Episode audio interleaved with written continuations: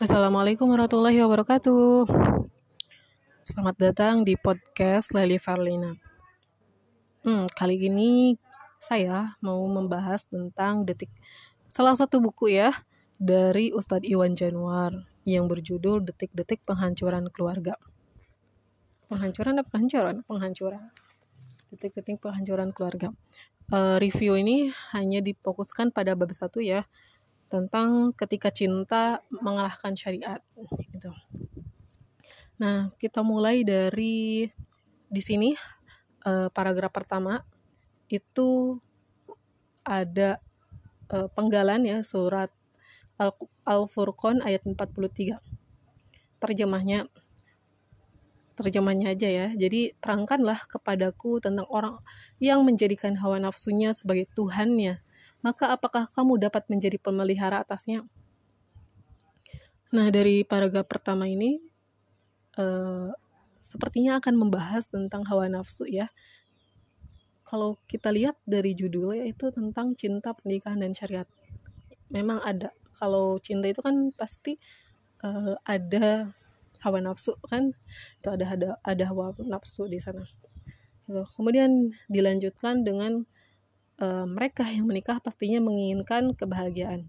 Persoalannya adalah mana yang lebih penting, kebahagiaan atau pernikahannya itu sendiri. Atau jangan-jangan orang bisa berbahagia tanpa perlu menikah. Artinya, buat apa memakai syariat Islam dalam pernikahan jika ternyata orang bisa merengkuh kebahagiaan tanpa syariat? Nah, ini adalah pendapat yang apa ya opini-opini yang saat ini sering digencarkan ya oleh orang-orang liberalis. Kemudian Ustadz Iwan itu e, menggugat gitu. Menggugat atau e, mengkritisi pendapat tersebut di e, poin selanjutnya mengenai menggugat pernikahan.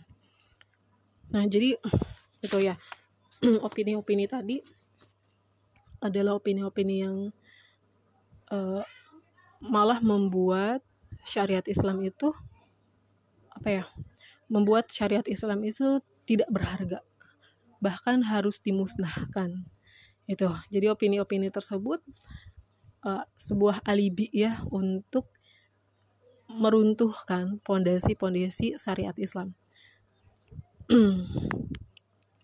Dan uh, apa ya kebahagiaan gitu yang mereka gedor-gedorkan itu kan kebahagiaan, mencari kebahagiaan. Pernikahan itu yang penting bahagia gitu loh. Bukan ikatan pernikahan itu sendiri gitu. Yang penting tuh bahagia katanya. Nah, hal ini justru uh, memaksa gitu. Apa? Memaksa masyarakat itu untuk menolak syariat-syariat Islam. Gitu. Dan mereka mengajak umat dan memaksa mereka untuk ya hidup bergaya hidup liberal gitu ala barat.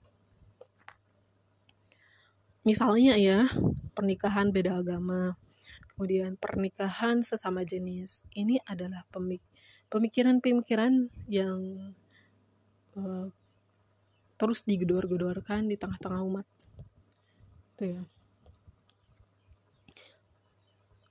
Ustadz Iwan memaparkan bahwa uh, pernikahan atau pasangan yang menikah itu fakta gitu bahwa fakta bahwa pasangan yang menikah itu pasti uh, ada yang tidak bahagia itulah itu benar itu fakta bahwa ada yang pernikahan itu tidak bahagia. Nah ada juga mungkin banyak ya pasangan yang melakukan ijab gobul sakral, ijab kabulnya, hikmat, tapi malah dalam pernikahannya itu mengundang air mata bahkan eh, KDRT itu. Nah, bahkan mereka uh, setelah perceraian itu malah bertengkar gitu ya itu fakta ya memang banyak sekali kasus-kasus seperti itu tetapi hal ini bukan menjadi sebuah alasan bahwa e, pernikahan itu yang penting cintanya bukan ikatan bukan ikatannya gitu ini bukan sebuah alasan yang membolehkan atau yang yang seperti dikatakan oleh orang-orang liberalis seperti ini. Perlu diteliti berapa banyak orang yang menikah beda agama lalu bercerai. Jangan-jangan rasio perceraian, perceraian mereka lebih rendah dari orang-orang yang menikah dengan pasangan satu agama. Nah, banyak orang liberal berpendapat seperti ini ya.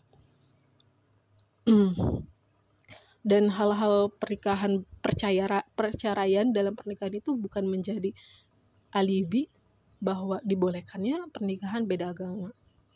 Gitu dan saya mau mengkritisi ya pendapat dari orang liberalis tadi bahwa uh, pernikahan yang berda, be, beda agama itu jangan-jangan rasio percaya perceraian itu lebih sedikit. Begini uh, kita lihat uh, rasio pernikahan beda agama dengan rasio pernikahan uh, sesama agama itu juga berbeda ya. Yang beda agama rasanya lebih kecil pernikahannya gitu Begitupun yang pernikahannya sesama agama gitu, sesama umat Islam. Itu lebih besar. Nah, kalau misalkan perceraian sesama agama, sesama umat Islam itu lebih besar, ya mak ya wajar karena jumlah pernikahannya itu lebih besar daripada yang sesama agama. Itu logikanya. Jadi uh, alasan banyaknya perceraian yang nikah sesama umat Islam itu bukan menjadi alasan dibolehkannya pernikahan agama gitu loh. Dan perlu dikritisi bahwa uh, Ustadz Iwan berpendapat bahwa ya pasangan bercerai itu memiliki banyak alasan ya itu tentu pasti ya. Ya walaupun saya belum mengalami pernikahan tapi kalau saya lihat kalau problematika hidup itu ya banyak ya. Apalagi problematika kehidupan rumah tangga itu jadi banyak sekali alasan untuk bercerai. Jadi yang uh, perceraian itu tidak hanya yang uh, apa ya perceraian itu tidak hanya yang dari sesama agama tetapi yang kumpul kebo juga pasti ada perceraian kan gitu loh. Yang tadinya uh, hamil duluan juga pasti kan ada perceraian gitu. Uh, atau mungkin yang berbeda agama yang seagama itu pasti uh, ada yang perceraian. Karena permasalahan rumah tangga itu kan dua sekali gitu loh. Nah hal-hal tadi gitu ya sering diusung oleh orang-orang liberalis. Dan mereka gitu satu tema gitu dengan pernikahan itu harus terjalin karena cinta dan bisa bahagia gitu. Itu satu tema yang sering dibahas digedor-gedorkan oleh orang-orang liberalis. Kita tahu kemarin-kemarin beberapa hari lalu tepat di bulan Maret masih di bulan Maret ya itu pernikahan beda agama di mana uh, tempatnya itu di Yogyakarta kalau nggak salah dia uh, mereka itu pasangan yang ke-30 katanya yang melakukan pernikahan beda agama di mana laki-lakinya itu non-Islam dan wanitanya itu umat Islam gitu bahkan berkerudung gitu muslimah dia. Jadi perempuannya muslimah dan laki-lakinya nonis gitu. Nah itu yang sering digedor-gedorkan bahwa agama jangan menjadi rintangan bagi setiap insan untuk hidup bersama itu yang sering kita dengar ya pasti. Apalagi kalau misalkan kemarin kemarin-kemarin juga sering baca tulisan yang pernikahan beda agama itu komentar-komentar bahwa uh, agama bukan menjadi rintangan untuk bersatu gitu loh. Banyak sekali komentar-komentar seperti itu. Nah adanya lembaga ya itu kan yang kemarin yang heboh tuh bulan Maret 2022 itu. Itu ada lembaga yang mendirikan untuk apa ya menjaga orang-orang atau mengajak ya bahkan mengajak orang-orang untuk menikah berbeda beda agama dengan dalih bineka tunggal ika dengan dalih cinta dengan dalih agama tidak bisa mengekang uh, kisah percintaan mereka dengan dalih lebih bah lebih penting bahagia dan cinta daripada ikatan pernikahan itu sendiri. Hmm dan semakin ke sini makin banyak sekali ya kasus pernikahan beda agama itu. Uh, contohnya Audi Mayriska Audi Mayriska atau siapa gitu. Terus yang malah dia pindah agama dia yang tadinya muslimah jadi uh, pindah agama. Terus uh, kemarin ia di ketika uh, yang di lembaga di Jogja itu yang melakukan pernikahan beda agama gitu. Membantu uh, pasangan yang berbeda agama untuk menikah. Hmm, itu makin banyak sekali ya pernikahan pernikahan beda agama. Belum lagi ada seorang tokoh gitu di situs Islam liberal berkomentar seperti ini Pertama-tama perlu saya jelaskan bahwa teks Al-Quran secara eksplisit tidak ada yang melarang, hanya saja mayoritas ijtihad para ulama termasuk di Indonesia tidak membolehkannya meski secara teks tidak ada larangan.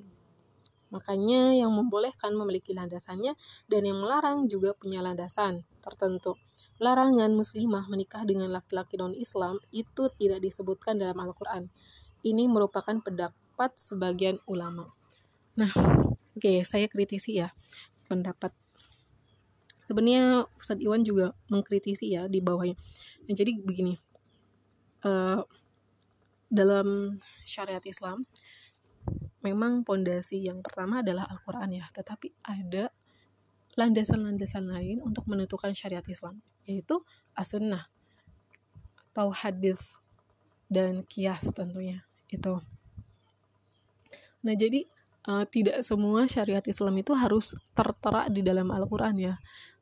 Contohnya sholat kewajiban untuk melaksanakan sholat lima waktu itu mungkin oh, itu ada di dalam Al-Quran. Tetapi kewajiban-kewajiban ketika melaksanakan sholat itu tidak terdapat di dalam Al-Quran.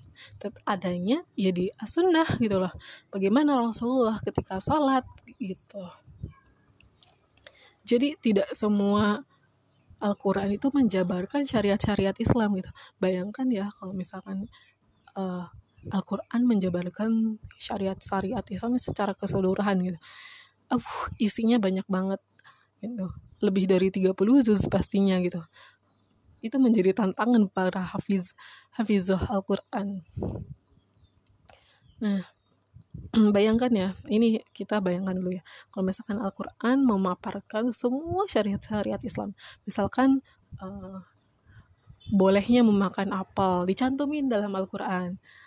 Bolehnya memakan uh, buah pir, bolehnya memakan buah anggur. Gitu.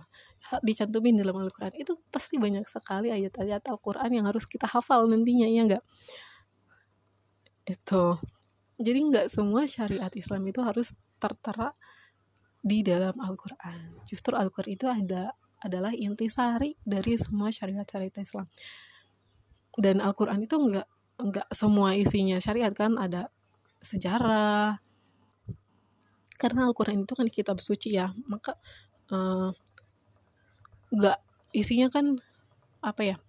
Tidak hanya syariat, tetapi di, di sana ada sejarah para nabi harus ada uh, kalau kitab suci kan ada syariat, ada sejarah, nggak kayak undang-undang dasar yang tok itu hanya tentang hukum gitu.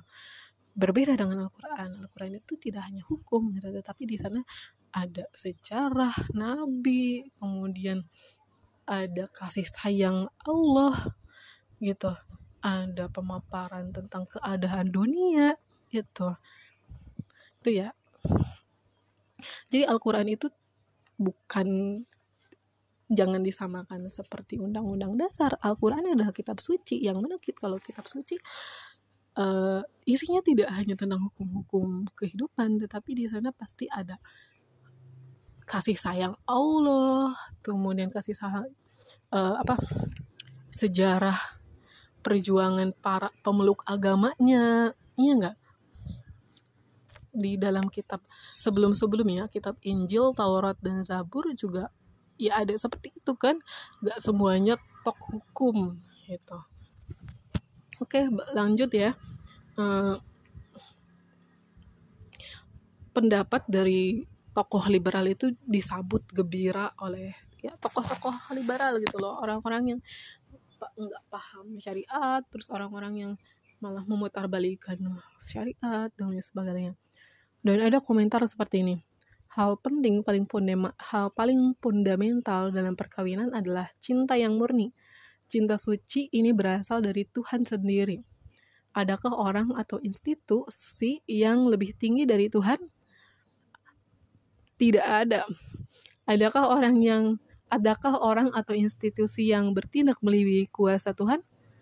Banyak. Mereka yang melarang pria dan wanita saling mencintai secara tulus dan suci dan ingin melestarikan kesucian cinta itu dalam perkawinan. Nah, Ustadz Iwan Jodwar sudah mengkritisi ya.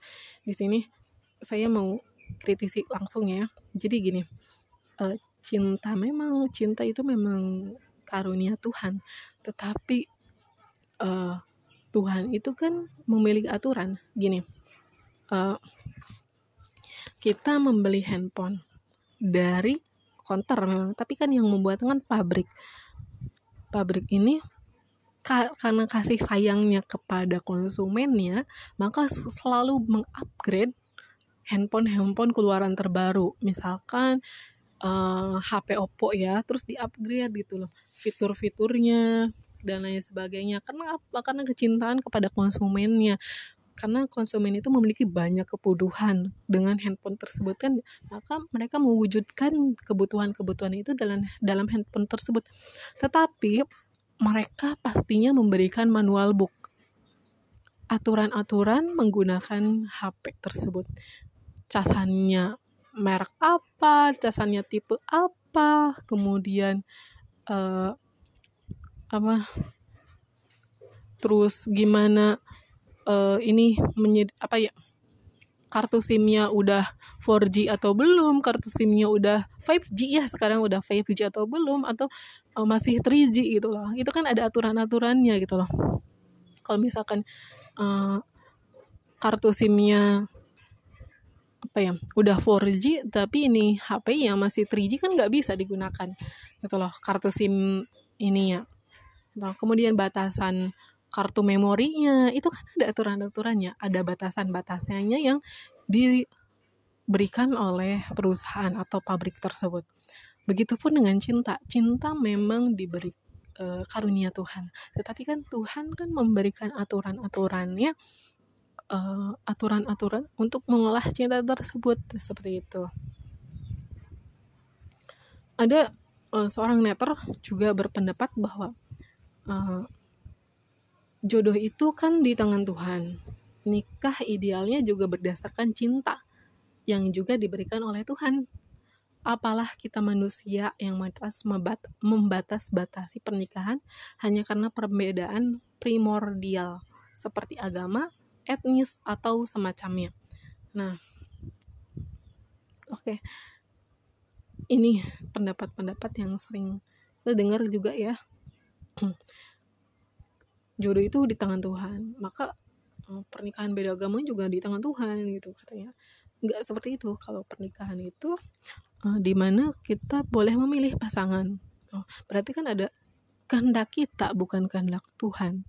Orangnya mungkin sama yang itu tetapi kita bisa memilih gitu loh. Mungkin kalau misalkan akan berbeda kalau misalkan orangnya itu tapi dia muslim.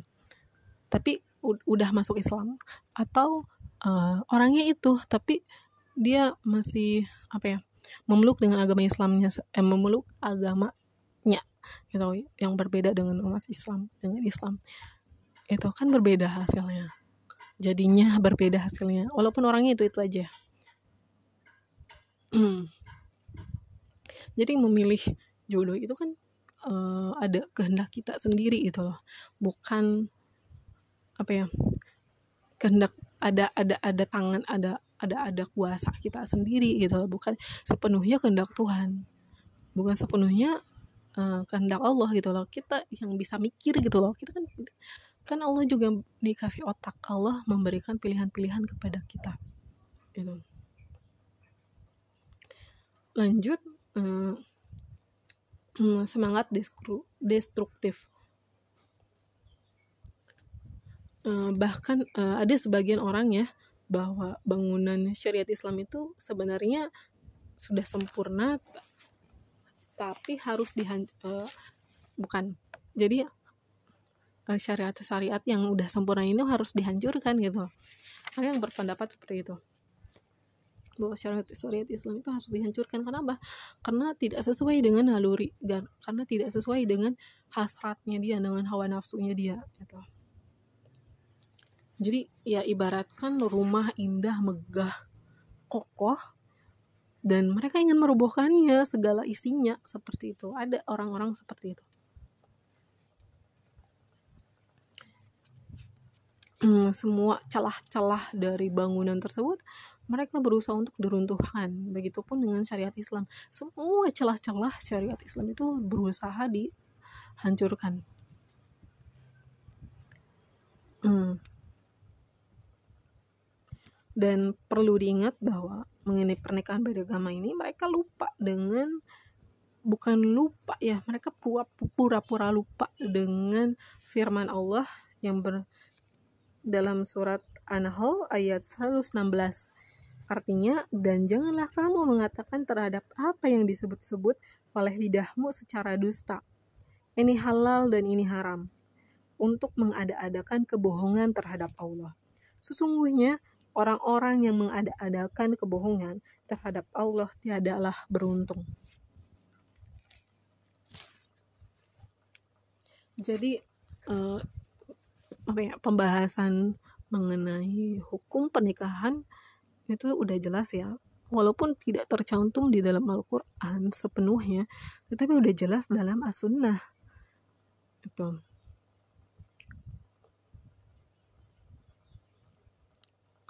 para uh, pembahasannya itu udah jelas. Jadi para ulama itu hanya berbeda pendapat dalam masalah pernikahan pria muslim ya.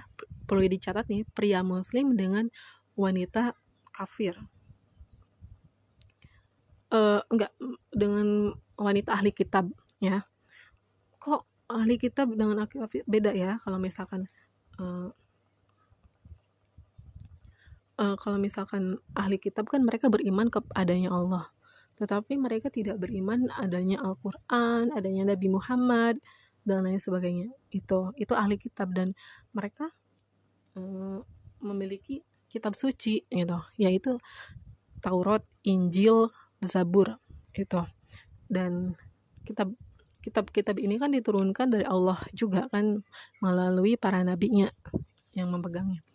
Nah, itu ya. Itu oh, berbeda pendapat ya. Para ulama ada yang membolehkan, ada yang tidak membolehkan. Jadi kalau pria muslim dengan wanita ahli kitab itu ada yang boleh katanya, ada yang uh, melarangnya gitu. Tetapi udah jelas ya kalau misalkan wanitanya muslimah sedangkan laki-lakinya itu non-Islam nonis itu udah jelas sekali para ulama berpendapat tidak boleh haram ya hmm, orang-orang bisa aja ya berdalih bahwa dalam pernikahan atau hubungan antar manusia itu yang penting cintanya sendiri bukan dengan alasan bahwa cinta itu kan karunia Tuhan ya. Kesimpulannya, menurut mereka itu, larangan pernikahan beda agama, pernikahan sejenis, bertentangan dengan kehendak itu Tuhan itu sendiri. Gitu. Karena berdalih bahwa cinta itu karunia Tuhan. Dengan berdalih seperti itu. Justru pemikiran ini jelas-jelas rusak ya. Benar bahwa cinta itu memang karunia Tuhan, tetapi manusia jangan semau maunya gitu jangan semau maunya mm, mengikuti hawa nafsu mereka gitu ada aturan aturannya seperti yang tadi udah dibahas bahwa ya seperti HP gitu kan pabrik memberikan aturan aturannya kepada konsumen untuk menggunakan handphone tersebut kita ibaratkan lah kita ibaratkan ya bagaimana jika ada laki-laki yang cinta pada istri orang lain dan wanita itu juga mencintainya, lantas hubungan itu ap apakah harus diterima juga? Kalau yang menjadi patokannya adalah cinta, jelas harusnya diterima lah ya hal tersebut ya. Dan berarti perselingkuhan juga harusnya diterima ya, kalau misalkan dengan dalih cinta. Terus apakah masyarakat juga siap dengan menerima apa ya kondisi atau hal tersebut Kemudian apakah masyarakat juga siap menerima pernikahan incest pernikahan incest itu pernikahan laki-laki dan perempuan yang adik kakak saudara kandung gitu hmm. contohnya ya anak e, pernah kejadian gitu seorang anak perempuan di Australia dia menikahi e, bapak kandungnya sendiri gitu. Jadi incest itu sedarah. Bisa anak dengan bapak anak dengan pokoknya anak dengan orang tua atau saudara kandung itu itu incest. Yang saudara nah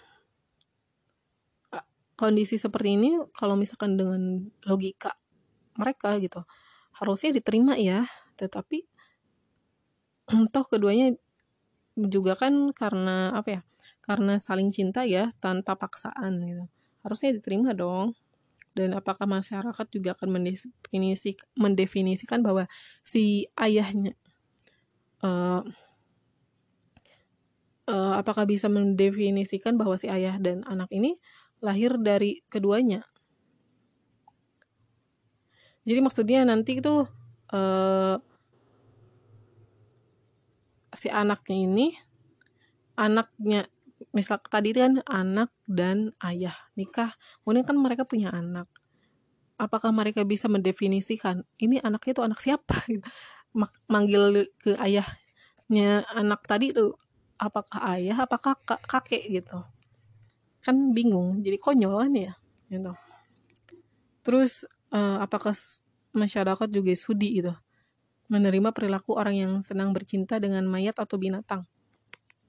Dengan dalih cinta kan apakah masyarakat itu sudi gitu menerima pernikahan dengan binatang pernikahan dengan mayat gitu? Apakah sudi gitu? Kalau misalkan dalih cinta.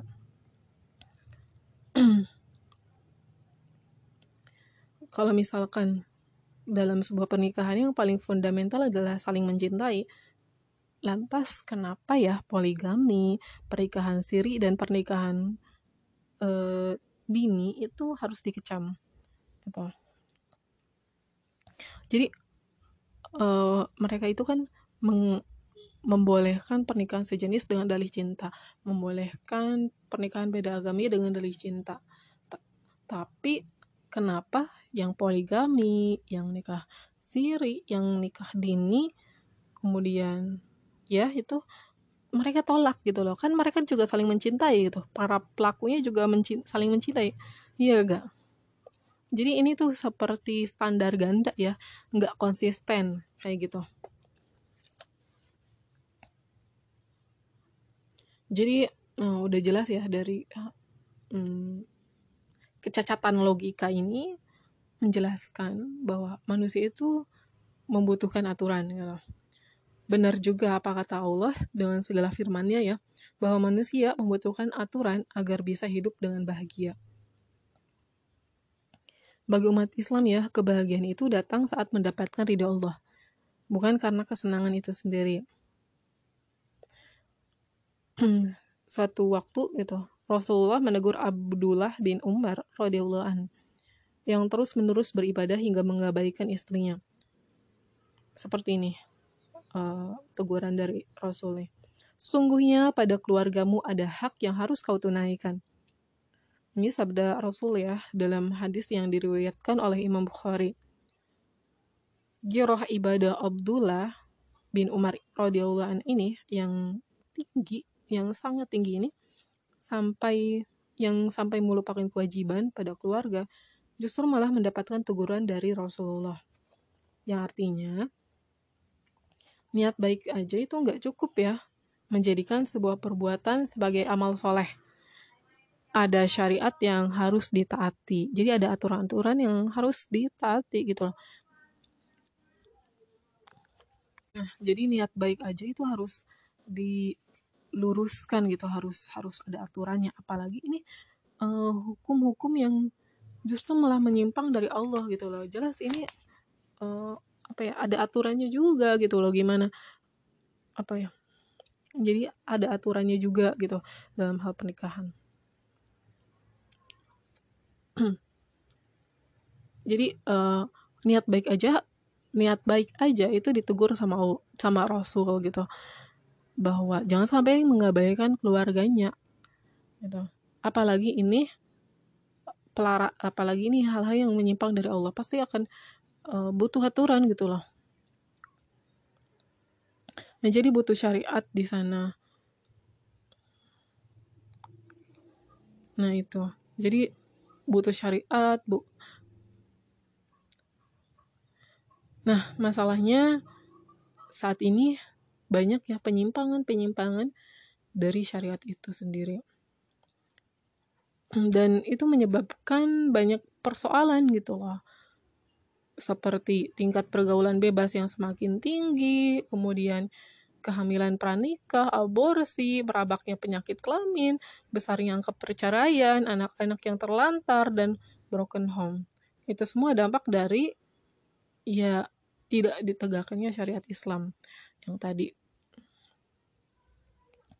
Jadi selama ratusan tahun kaum muslimin itu hidup dengan bingkai syariat Islam. Teman-teman juga tahu sejarahnya di mana uh, apa dari zaman di Madinah sampai masa Utsman gitu Utsmaniyah nah masa Utsmaniyah itu syariat Islam itu masih ditegakkan apalagi soal pernikahan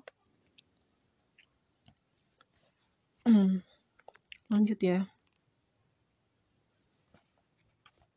Di, nah banyak persoalan-persoalan yang terjadi di dunia ini ya. Karena apa? Pertama memang karena kaum muslimin semakin tidak paham semakin bodoh gitu kalau bilang kasarnya. Semakin nggak tahu aturan-aturan Islam bahkan hanya mengandalkan akal gitu loh. Tidak berlandaskan pada hukum-hukum Islam itu yang